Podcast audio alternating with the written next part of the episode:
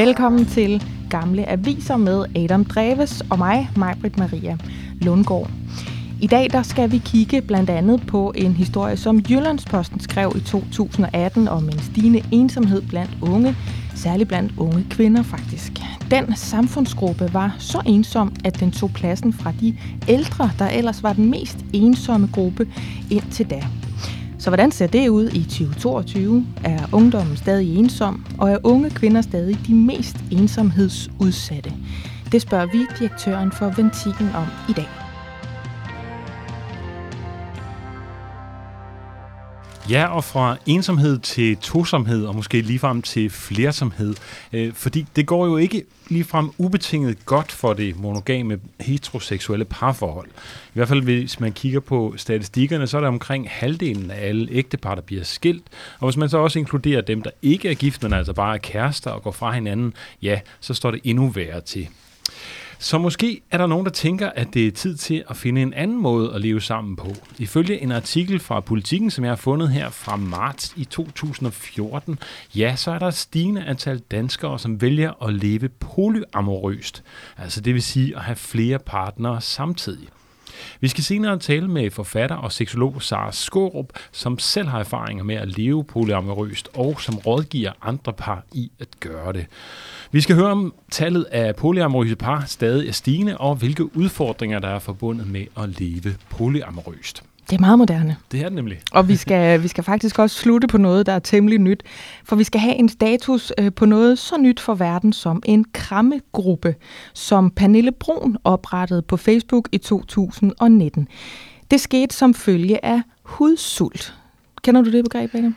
Ja, det er sådan lidt nyt begreb, ikke? Ja, øh, Hudlængsel kunne man også kalde det. Ja, det er meget smukt og poetisk på en måde, men altså som følge af hudsult. Øh, og nu vil vi jo altså gerne vide, hvordan fungerer det at fremlyse et kram på Facebook i en gruppe, og har den gruppe af krammetrængende mennesker klaret sig igennem en tid med krænkelsesfokus og corona? Det spørger vi Pernille selv om til sidst i programmet i dag.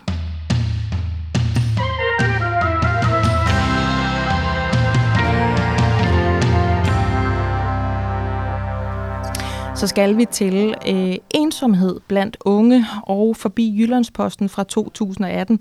Det er den 10. marts, der er øh, rubrikken på side 6 sådan her. Jeg har altid været genert, men pludselig følte jeg mig usynlig.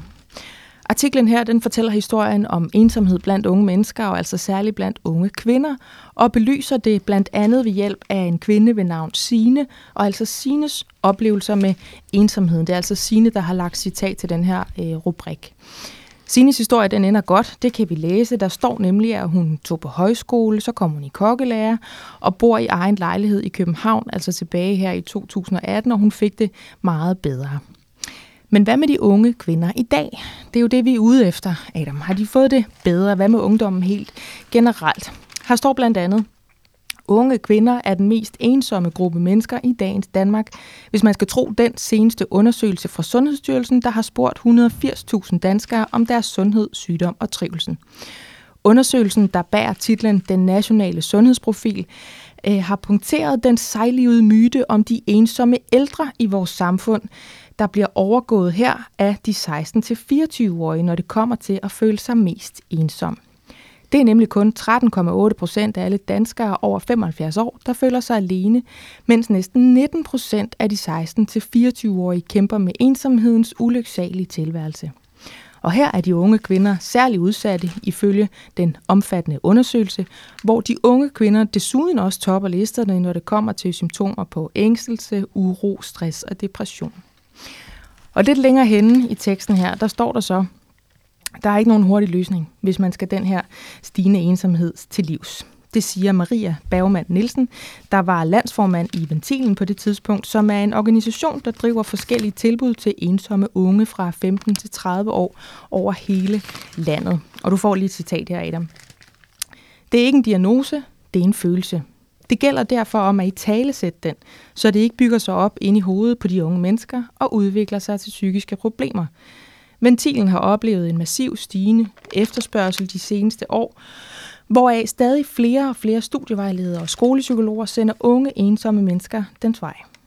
Maria Bergmann Nielsen oplever, at særligt unge kvinder føler sig ensomme. da de er under et stort pres for omgivelserne, når det kommer til at have mange venner, være smukke og tage de rigtige uddannelsesvalg. Direktøren i Ventilen hedder i dag Rilo Sneobrud, og hun er med på linjen nu. Velkommen til. Tak skal du have. Hvordan ser det ud ret præcist her øh, fire år efter? Er øh, unge mennesker mere eller mindre ensomme i 2022, end de var i 2018? De er desværre øh, mere ensomme. Der er jo kommet den samme øh, sundhedsprofilundersøgelse, laver det jo hver fjerde år, og der kom tallene i sidste uge. Og nu øh, hedder de, at det er 22 procent af alle unge og 26 procent af de unge kvinder mellem 16 og 24, som føler sig øh, det, vi kan kalde alvorligt ensomme.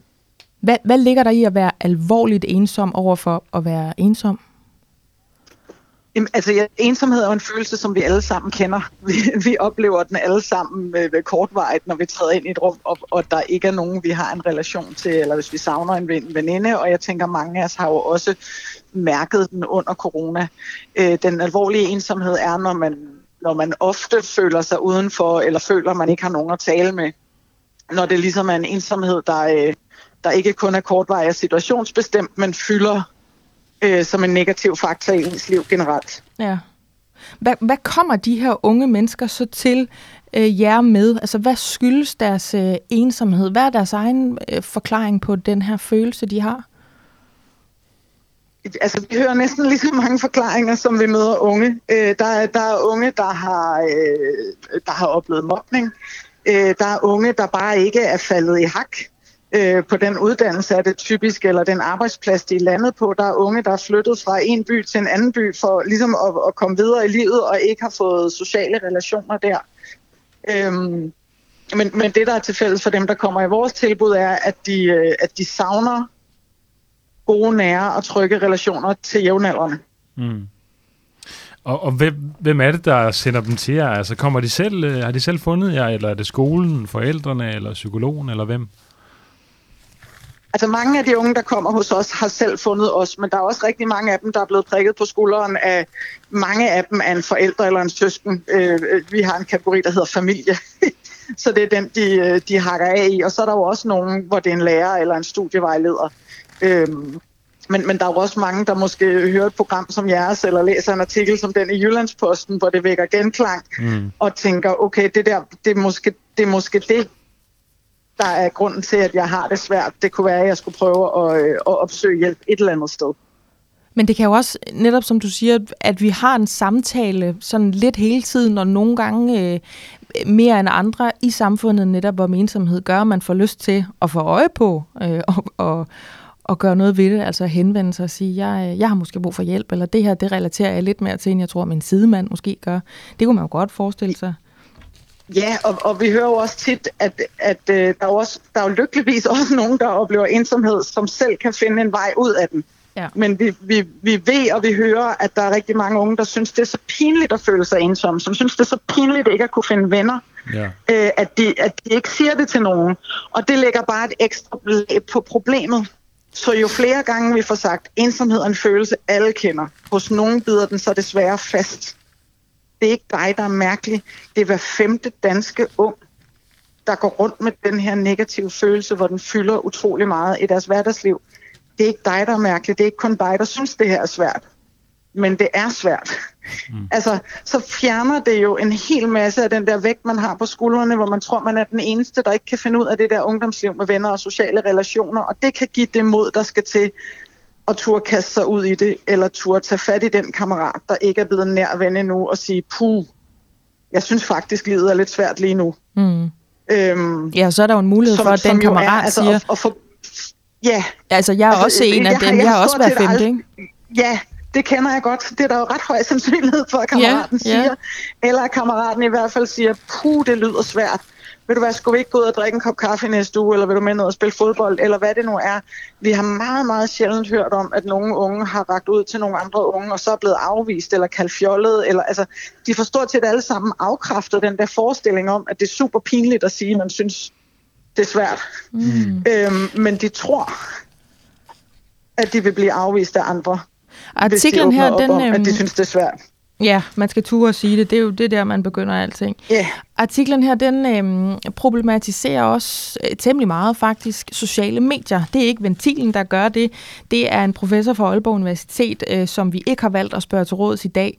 Men jeg vil alligevel spille den over til dig. Jeg ved, at I ikke som sådan deler ensomheden op, eller deler, hvad skal man sige, nogen, der er ikke nogen skyldige kategorier som sådan, øh, når I behandler ensomhed. Man kan ikke sige, det er Instagram, der gør unge kvinder ensomme, eller, eller hvad? Øhm? Nej.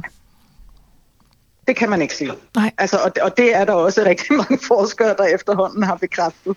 Øh, jeg tror, at med de sociale medier generelt, så hedder det, hvis du har det svært i forvejen, øh, så, så kan du få det værre af mm. at være meget på de sociale medier. Og i forhold til ensomhed, øh, og, og generelt trivsel, så er der jo også, ved vi efterhånden, at hvis du bare øh, kigger på, hvis du bare sidder og scroller ned gennem dit feed, så får du det ikke bedre af det, måske får du det øh, værre af det, men hvis du deltager aktivt i noget, der er meningsfuldt for dig, så kan det faktisk få dig til at få det bedre. Øh, hvor, hvor min bedste sammenligning er at sige, hvis man går til en fest, og man til hele festen bare står hen i hjørnet og kigger på de andre, så går man jo heller ikke hjem og tænker, jeg har haft en super fed aften.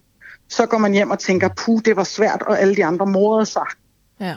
Øh, og det, på en eller anden måde er det jo skræmmende, hvor en til en det samme det er.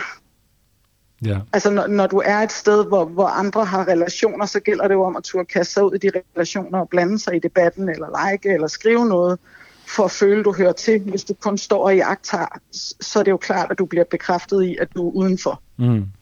Jeg har sådan lidt en, en kæphest med, at øh, altså, vi, er jo, vi er jo gået fra at være sådan meget fællesskabsorienteret til at være meget individorienteret og meget sådan konkurrencemindet. Ikke? Det er jo også noget af det, der kommer frem i den her artikel, at man skal, at man skal præstere på skolefronten, man skal præstere på de sociale medier, vise ens fede liv og sådan noget.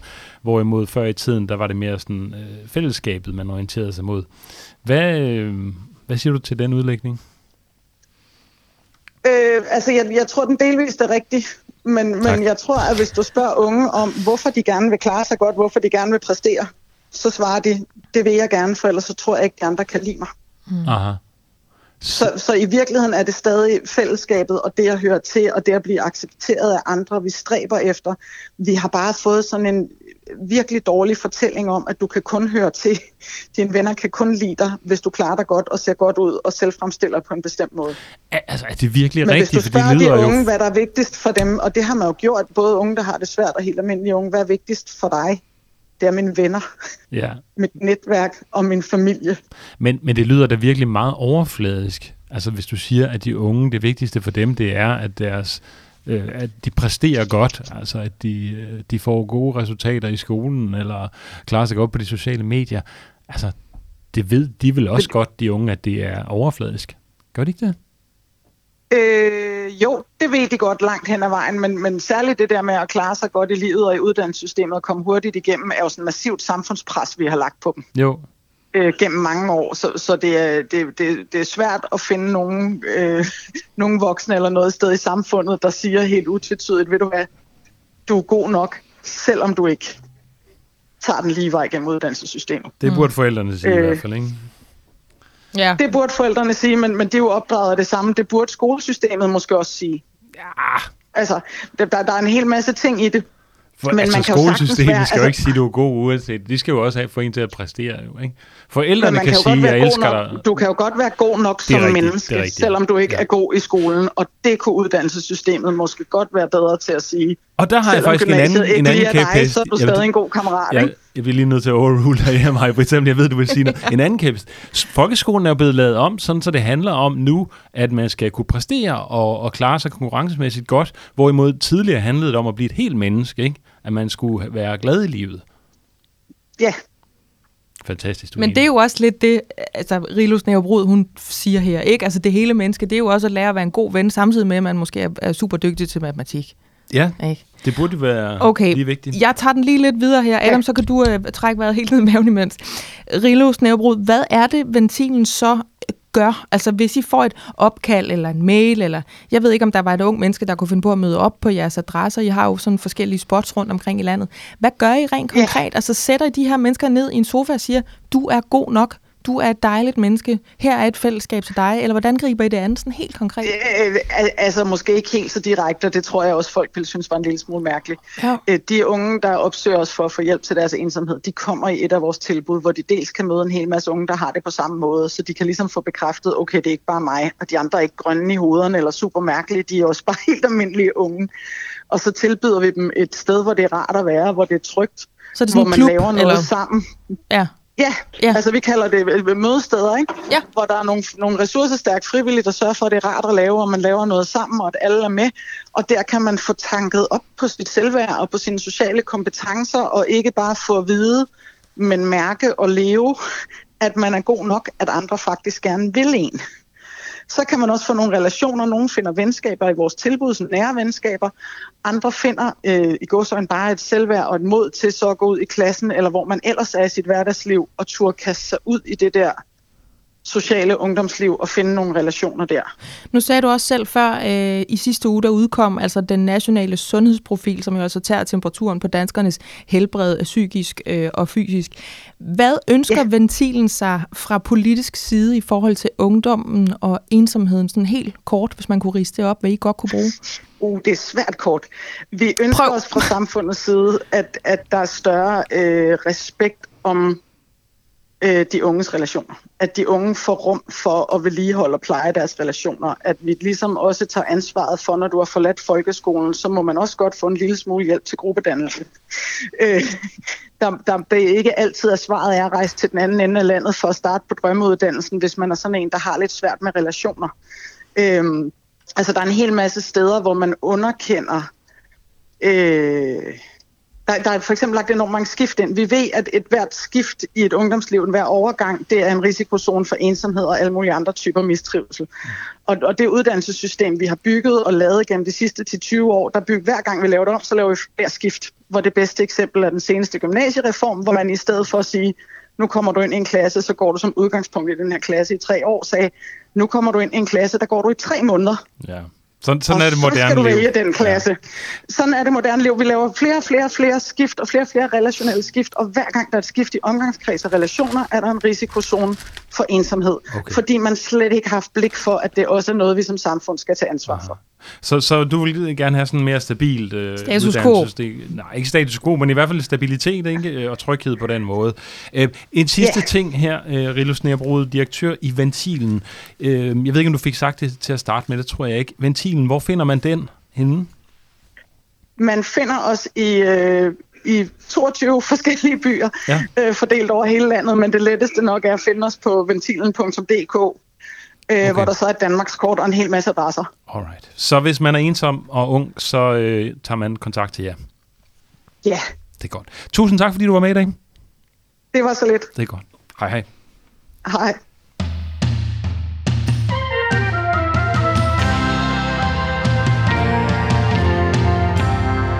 Og øh, nu skal det handle om noget helt andet. Vi skal nemlig tage temperaturen på danskernes polyamorositet. Ja. Øh, jeg har fundet her en artikel en, fra Politiken fra 2014 marts, hvor der overskriften lyder, Utroskab er ydt, men kærlighed til flere er i orden for en voksende gruppe danskere. Og jeg ved ikke med dig, Maj, Britt, øh, nu ved jeg, at du lever jo i et ret øh, stabilt øh, kerneforhold. Jamen, jeg er jo gift. Du er gift, ja. altså, og, jeg og, er jo det, den her artikel... Den... Skulle I ikke øh, til at eksperimentere lidt med nogle Ej, det flere partnere? Og sådan nej, nej, nej, nej, nej, skulle vi ikke. Vi er også dem der, der sidder med altså, nærmest alle 10 fingre ind i munden, når vi ser en dokumentar om folk, der netop lever på den måde. Fordi vi, vi bliver sådan helt jaloux nede i maverne over, over hvordan, hvordan kan de dog det? Men samtidig er jeg jo også virkelig bekendt med, at det var der faktisk virkelig mange, der kunne efterhånden. Og jeg kender også flere par, der lever på den måde, men, men jeg kan slet ikke forstå, at man har nervesystem til det. Men, men det må være et spændende sexliv. Det er nok sådan, jeg ser det. Nå, så det frister lidt alligevel. Det frister ikke! Nej, okay. nu fortolker jeg. ja, det gør du. Jeg, jeg går i teksten i stedet for her. Ja. Øh, der står, at gå i seng med eller elske flere end sin faste partner er på ingen måde det samme som at dyrke utroskab, pointerer forfatter og seksolog Sara Skorup, som rådgiver par omkring at åbne deres forhold. Hvordan man disponerer sit kærlighedsliv fastlægges i konsensus. Den traditionelle monogame aftale mellem to mennesker er, at de to har monopol på sex med hinanden. Og hvis du bryder den aftale, ja, så er det utroskab. Når et par ophæver monopolet, holder termen utroskab også op med at give mening, forklarer Sarskåb. En del tror, at åbne forhold er grænseløse, men sådan er det sjældent. Og nu har vi altså fået øh, Sara Skåb, seksolog og forfatter, med på linjen her, ikke sandt? Jo, det har jeg. Dejligt at høre. Velkommen til, Sara. Tak. Kan du ikke lige skære det ud i pap for os, øh, hvad, hvad polyamorositet er, altså, og hvad er forskellen på et, et åbent forhold og, og polyamorositet? Og altså, øh, for den monogame vil det tit være noget, man bruger lidt i, øh, altså i flæng, men man kan sige, at et åbent forhold for de fleste mennesker øh, vil sige, at man har en øh, aftale om, at det er okay at have sex med andre end hinanden, hvor det polyamorøse forhold øh, vil handle om, at det er helt okay både at have sex, men også fuldgyldige kærlighedsrelationer til andre. Altså man kan sige, at det er spørgsmålet er, har man andre sexpartnere, eller har man andre kærester? Aha. Okay, så, så det er følelser og, ja, hvad skal man kalde det, altså bare rent sex, der egentlig adskiller de to ting ad? At, altså nu kan man sige, det er jo lidt en illusion helt at kunne adskille det. Mm. Altså sex og følelser og så videre, ikke? Men øh, altså hvis man identificerer sig som polyamorøs, så har man en oplevelse af, at det er naturligt for en at elske flere mennesker sideløbende. Okay, så ja. dermed kan man også have flere relationer sideløbende. Og de åbne parforhold, som jeg kender, der vil det typisk være sådan, at øh, de to, der har det oprindelige forhold, de er hinandens, øh, det man kalder primære. Det vil sige, at de er de vigtigste, og det andet er noget, som er øh, måske på stabil basis, måske nogle gange et tilvalg eller en option, man kan bruge eller ikke bruge. Men mm. at øh, man, man er på sin vis følelsesmæssigt monogam over for hinanden. Okay, så, så, så det åbne parforhold, det vil sige, at man er i et trygt, godt parforhold med en partner, men har så brug for ligesom at, at, at få afløb for nogle seksuelle lyster, eller prøve nogle ting af med nogle andre partnere.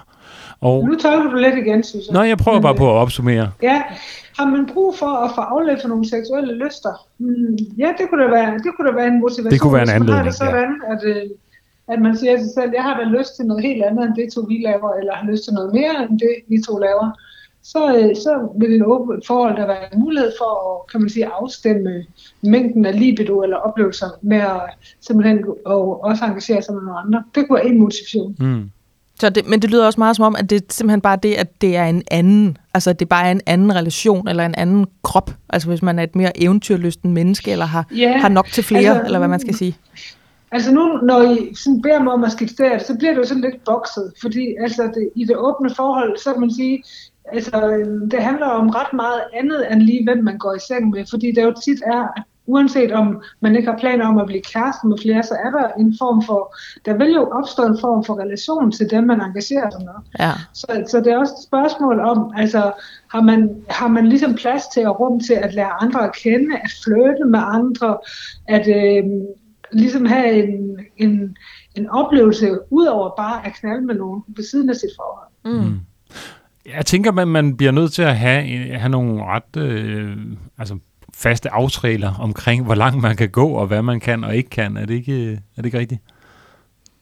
Øh, det er i hvert fald det, som jeg som regel prøver at, øh, at slå, slå til lyd for, hvis jeg sidder med et øh, par, hvad jeg jo ret tit gør, fordi jeg rådgiver folk, som er i overvejelser, eller som allerede er gået i gang med at, at leve åbent. Altså, jeg, at, at det er en virkelig god idé at lave en forventningsafstemning. Mm. Fordi øh, at man kan sige, jeg møder også de par, som bare siger, det der med det monogame forhold, det skal vi ikke mere. Nu åbner vi for alle sluser, og så ser vi, hvad der sker. Og det, det er ganske tit, at de folk de ender med at slå sig gevaldigt, fordi at der har været en øh, forskellighed i, hvad man så umiddelbart havde forestillet sig. Mm. Det var, man sagde god til. Altså at den, øh, den ene har ligesom tolket det mere yderliggående end den anden, og så bliver man typisk ked af det hen ad vejen. Så, så, så det er helt rigtigt, at øh, hvis man gerne ligesom vil prøve at tage hånd om sit forhold og passe på hinanden undervejs, så er det en god idé faktisk at starte lidt konservativt og være helt enige om, hvad er det, der er okay, og hvad vil vi gerne reservere til os stadigvæk. For det vil de fleste finde ud af, at der er noget, de gerne vil holde for sig selv for at passe på forholdet. Det, det er mig, du kan høre, øh, Sara, der sidder og bliver ved ja. med at tage luft ind, fordi jeg er jo mega nysgerrig på det her. Nu hørte du også, da vi lige startede den her snak og, og slog op på den her artikel.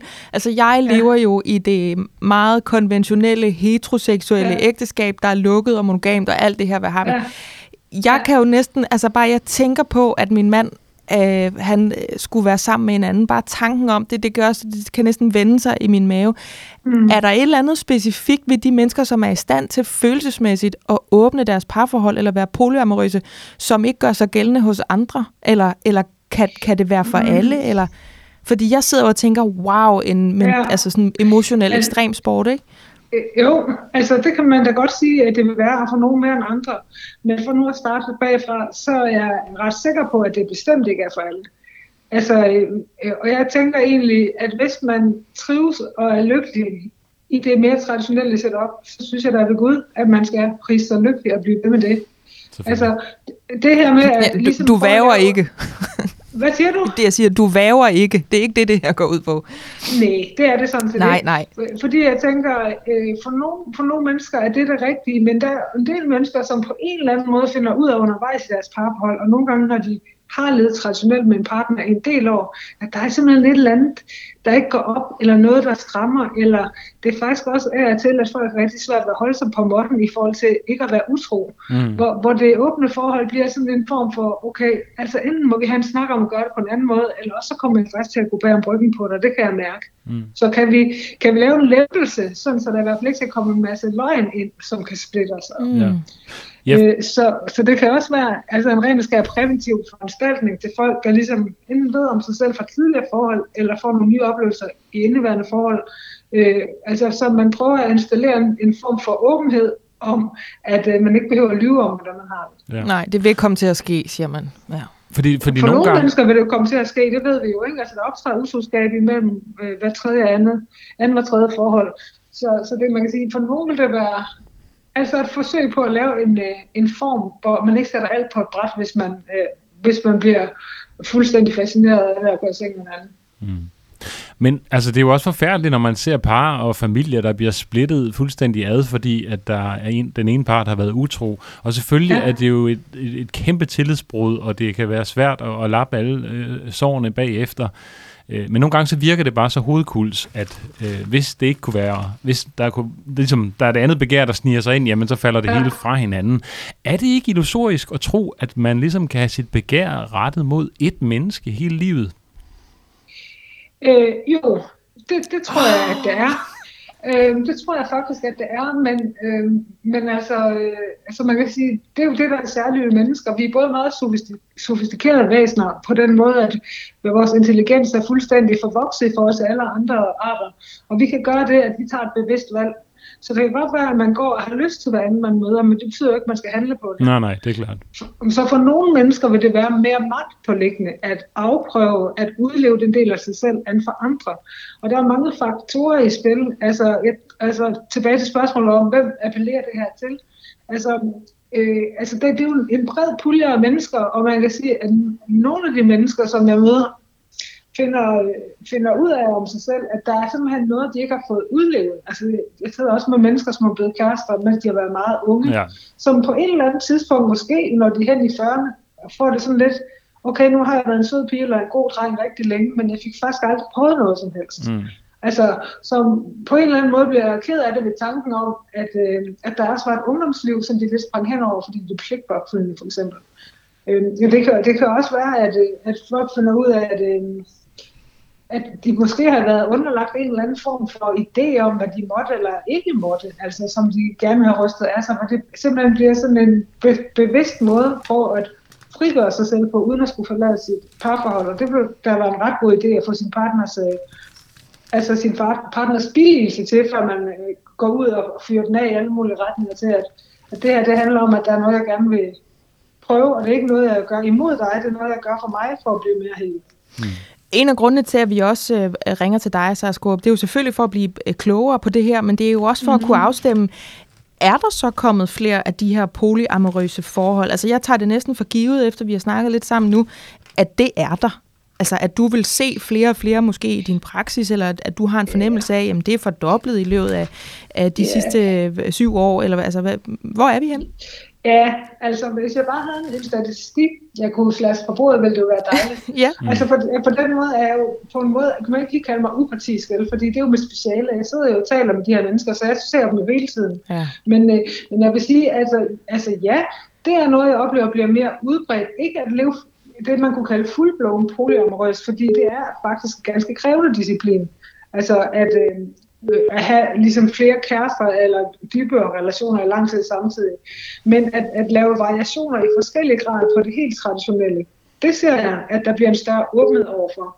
Og øh, så altså, det er knap så odiøst at tale om det, også fordi vi har set tv og hørt radio og læst artikler om de seneste 10 år. Det ja, man bliver klar over, at det her det er en måde, ja. man kan leve på, det, eller det er et det, valg det, faktisk. Det er der nogen, der gør, og det er ikke kun, altså vi er også begyndt at forstå, at det er ikke kun helt freaky mennesker, der gør det. Altså der er også nogen, som virker forholdsvis normale, der tager sådan nogle valg.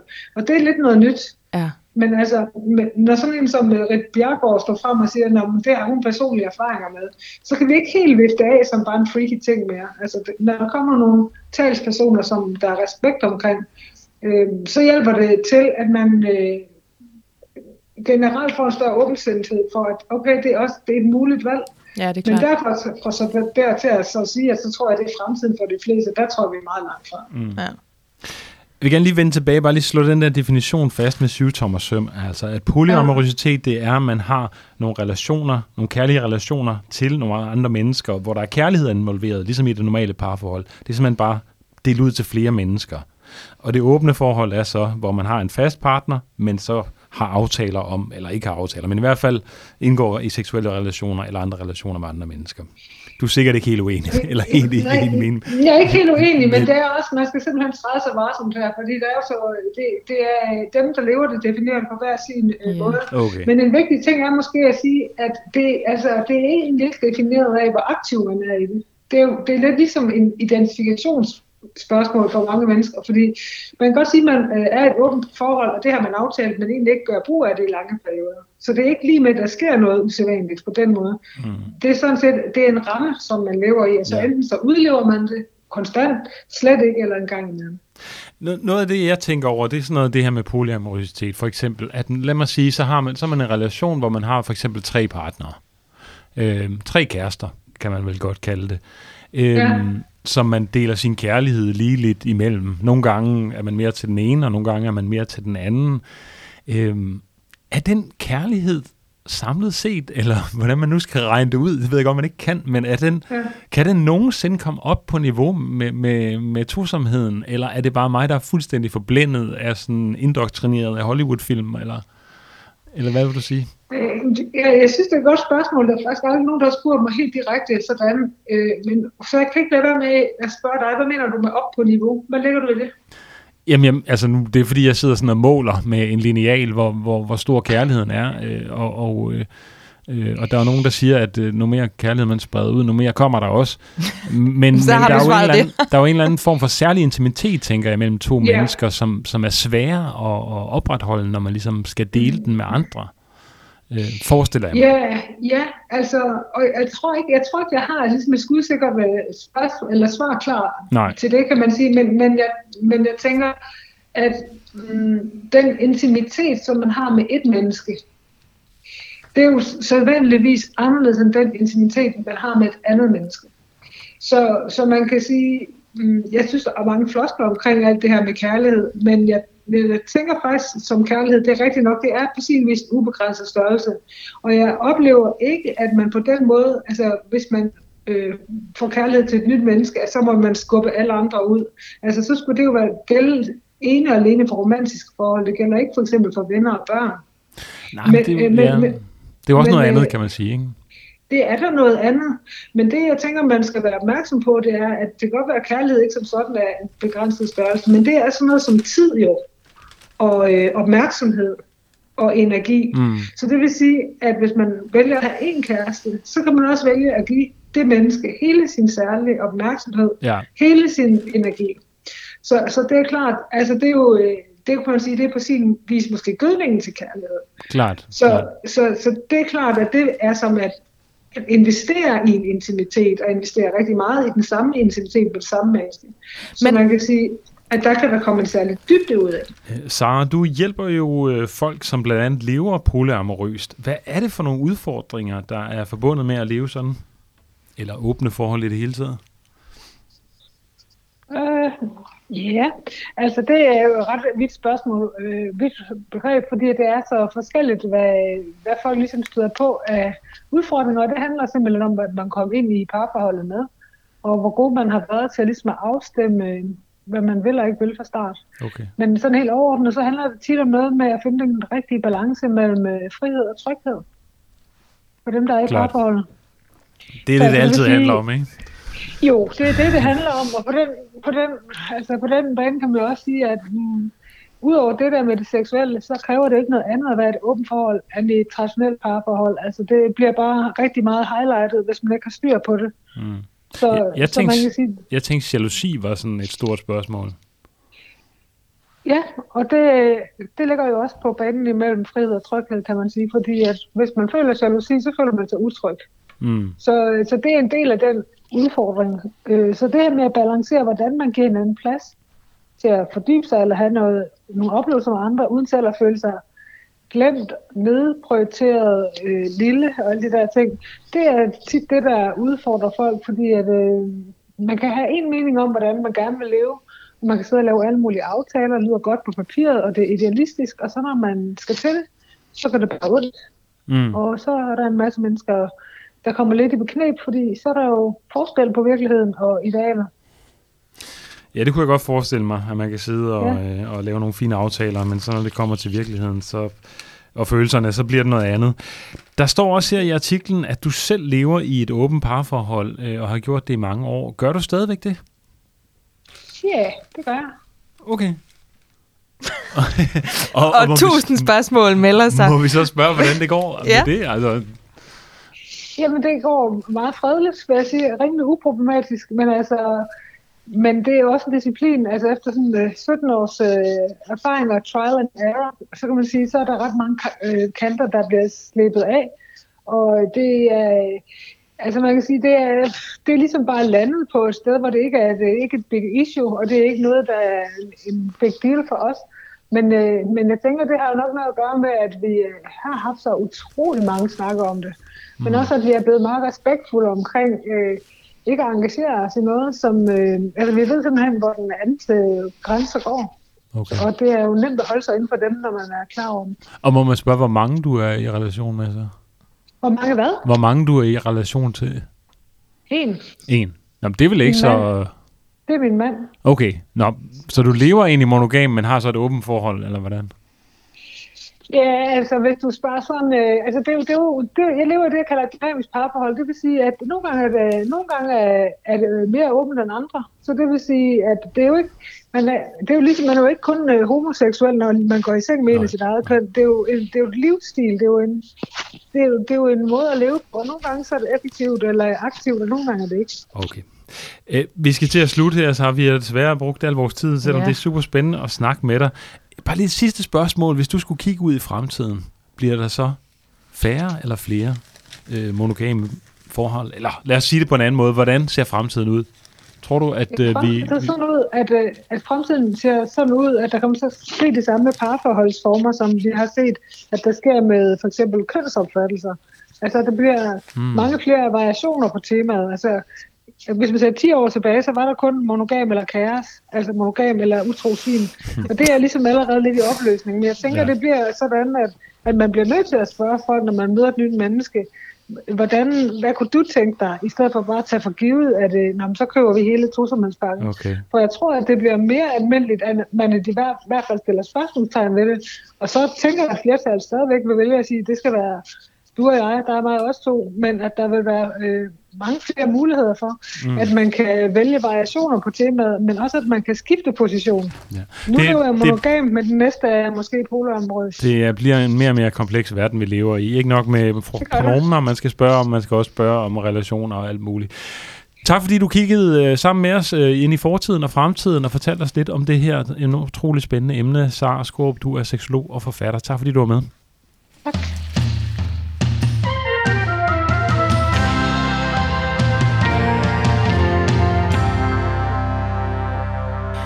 Vi har jo været øh, omkring ensomhed, vi har været omkring øh, det modsatte, altså de polyamorøse forhold, Adam, og nu skal vi øh, et sted hen midt imellem, fordi øh, vi skal til denne her øh, rubrik, der hedder Når jeg føler hudsult, skriver jeg bare i gruppen, at jeg savner et kram. Jeg kigger i Jyllandsposten fra den 21. april 2019. Og nu kommer vi øh, lige ned i teksten her. For lidt fysisk berøring kan være farligt og føre til både stress, depression og en dyb følelse af ensomhed. Derfor har den 46-årige Pernille Brun dannet en privat krammegruppe, hvor medlemmerne kan få stillet deres sult efter fysisk berøring. Vi er altså på Facebook her, ikke? I et rækkehus i Birkerød nord for København sidder en mand og to kvinder over for hinanden i en stor grå sofa, beklædt med puder og tæpper. De sidder i skrædderstilling med lukkede øjne, og den ene af kvinderne guider med langsom stemme de to andre i at, og det er citat, finde ro og mærke efter, hvad kroppen har brug for. Samtidig rykker de tættere sammen og begynder at æge hinandens underarme.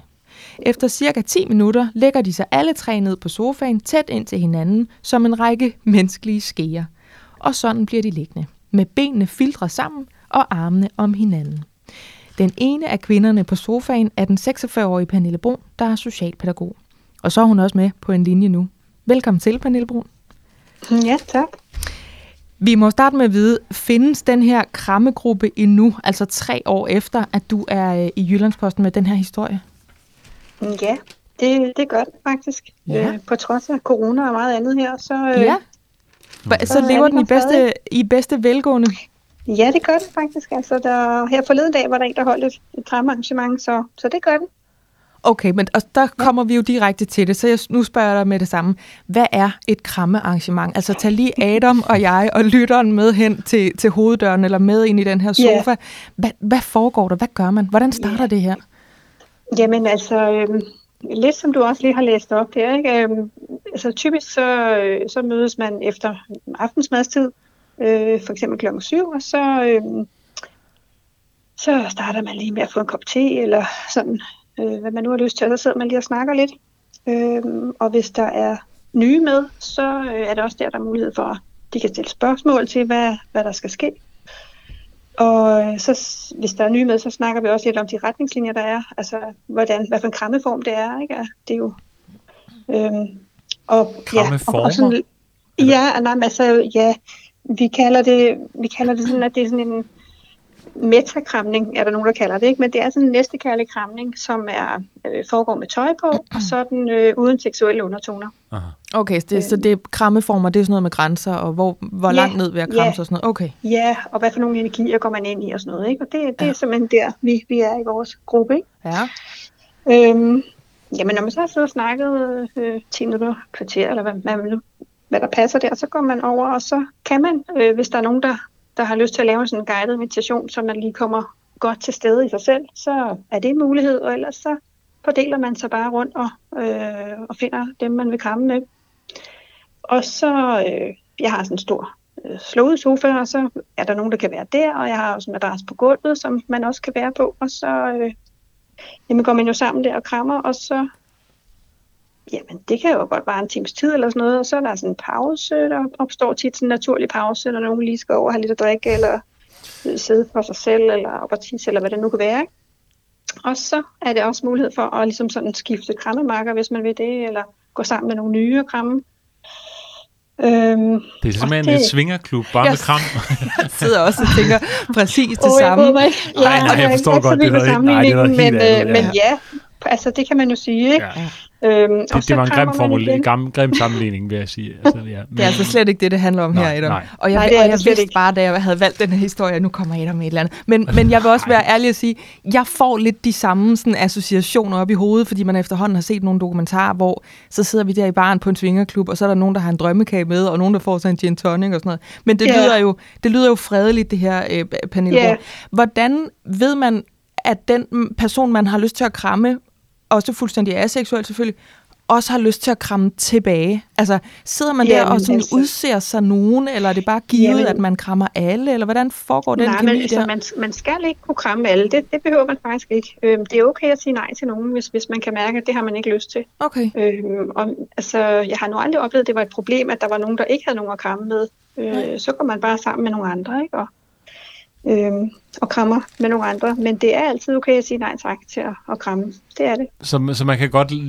Jeg, jeg har udvalgt mig en, jeg gerne vil kramme, og så kommer, yeah. kommer Peter og vil gerne kramme med os, og så siger ah, det, det synes jeg ikke er så fedt faktisk. Jeg vil faktisk bare hellere yeah. kramme, kramme her med mig, Britt.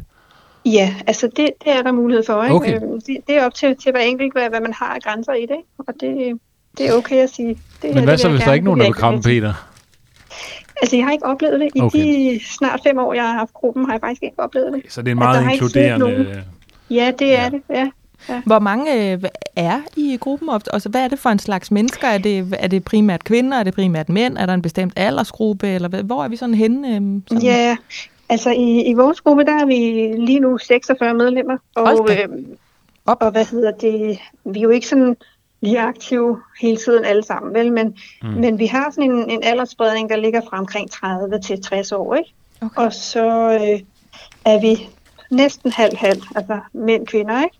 Ja. Øhm, ja, og det er sådan meget, meget blandet, blandet flok egentlig. Altså, det, det er jo, hvad skal man sige, krammet, der, der, der står sådan i centrum, og og hvad man ellers kommer fra og arbejder med, det er ikke så vigtigt egentlig.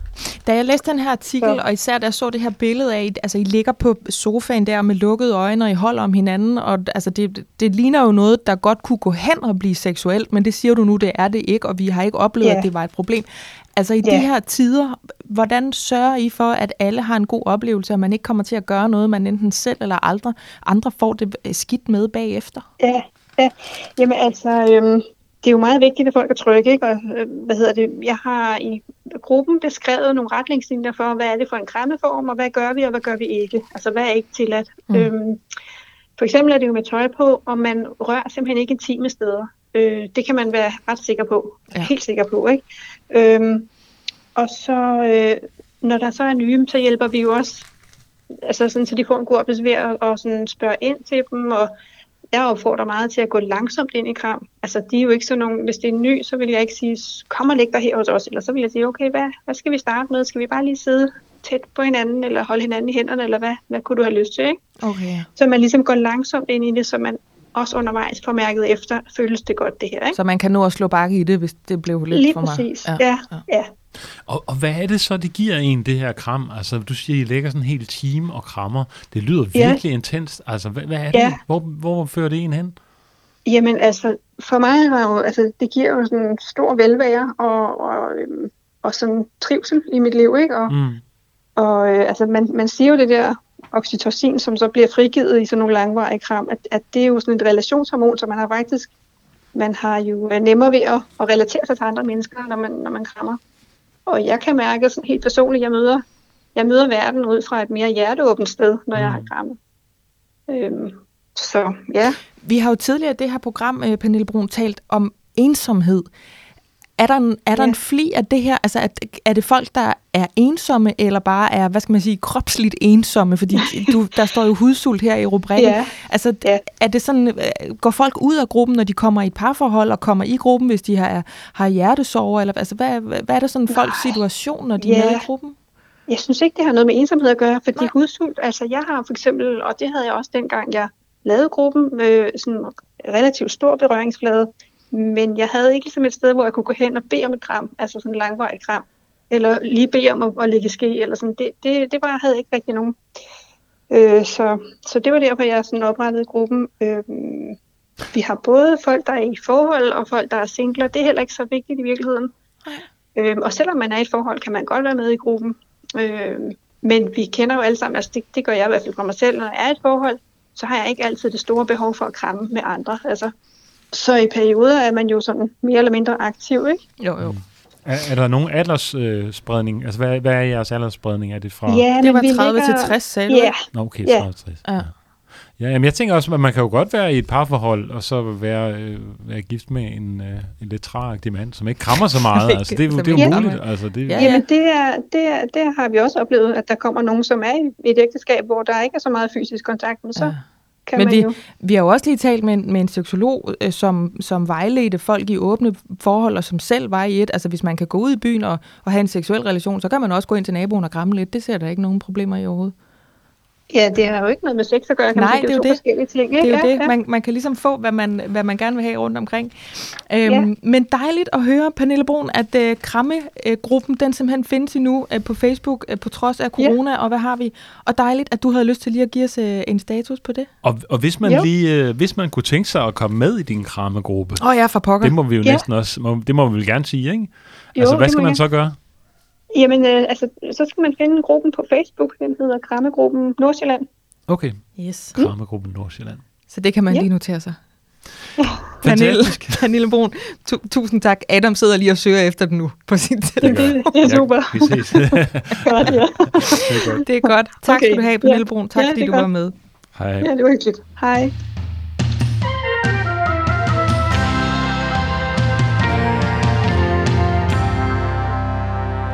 Ja, så er vi nået ved vejs ende, og øh, vi, har, vi, har, vi har flere opfordringer mere. Altså hvis man er ensom, jamen, så kan man henvende sig til... Øh, ventilen. Ventilen, ja. Og ja. hvis man har brug for at kramme, jamen, så kan man øh, gå ind på Facebook og finde øh, krammegruppen Nordsjælland. Der er måske ja. også en krammegruppe Sydsjælland, det ved jeg ikke. Ja, det er rigtigt. Øhm, og hvis man øh, vil ud og udfordre det polyamorøse eller det åbne forhold, jamen så øh, kan man snakke med en seksolog.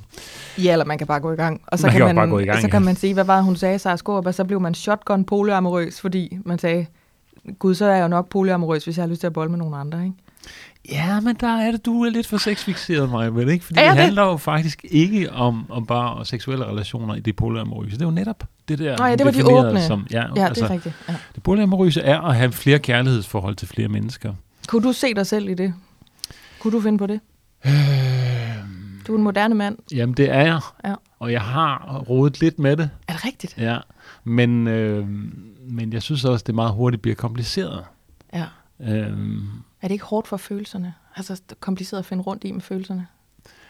Jo, det er det. Øhm, jo, det er det. jeg vil ikke sidde og gå i detaljer med det her. Men, men det, det er, er også kompliceret. fordi, du, du svarer noget, jeg slet ikke er forberedt på. Ja, okay. Okay. Ja. Men altså, jeg kender nogen, der lever på den måde. Og der, altså, der kan man da godt nogle gange, når man har tømt opvaskeren for altså 17.000 gang, og han har de der samme underbukser på med huller i, lige der på ballen og sådan noget, så kan man godt tænke, det er også et spændende sexliv, I har, eller der er virkelig noget krydderi der i jeres mm. tilværelse, som vi andre ikke har. Men, men til syvende og sidst, der ved jeg om mig selv, og jeg tror også, jeg ved om min mand, det, det har vi simpelthen ikke øh, emotionel øh, mobilitet til. Altså, vi er for simple op i hovedet. Vi, vi kan ikke det der. Vi ja, bliver kede ja, af det. Bare holde fingrene krydset under bordet. altså, jeg, jeg synes nemlig, det var noget interessant, der kom... Altså, hun gav mig jo ret i det her med, at det er illusorisk at tro, at begæret kan være bundet til ja, én person ja. resten af livet. Og det tror jeg bare, man skal tale åben om, ja. og det tror jeg, man skal acceptere på en eller anden måde, frem ja. for ligesom at tage skyklapperne på og sige, vi er alt er fint hos os, og det bliver det bedre til vores dages ja, ende. Ja. Fordi det vil det ikke. Nej. Altså, der vil hele tiden komme udfordringer, og der vil hele tiden, man vil komme til at møde en, som man klikker lidt med, og du ved, det ene og det andet. Så jeg tror, det er ikke vigtigt, min mand, han vil ikke komme til at møde nogen klart, som helst. Det er klart, men, men ud over jeres forhold, så, så tror jeg, det er vigtigt, at man taler om det. Ja, altså, du, har, du har fuldstændig ret. Du har fuldstændig ret. Øh, taler og, om sit begær. Ja, og folk ved jo også godt det her mere og mere, ikke? Ja. ja. Det ja, var... Øh, ja, ja. Vi, vi når ikke mere nu. Nej, vi når heller ikke mere med mig, eller med dig, nej. Nej. Øh, men mindre du, havde du lige noget, du gerne vil begynde? Nej, det, det er godt, tiden er gået. Okay. Vi skal have slukket for den optag nu. det er spændende, eller så går jeg dybt med det her. øhm, ja, vi håber, at de øh, I nød af samtalerne, ligesom vi gjorde her. Vi synes, det var rigtig hyggeligt at sende for jer, og øh, vi er tilbage igen næste uge, samme tid, samme sted, med flere gamle aviser. Vi ses. Ja, i dag var det mig, Britt, Maria Lundgaard og mig, Adam Dreves i studiet. Kan I have det rigtig godt. Hej hej.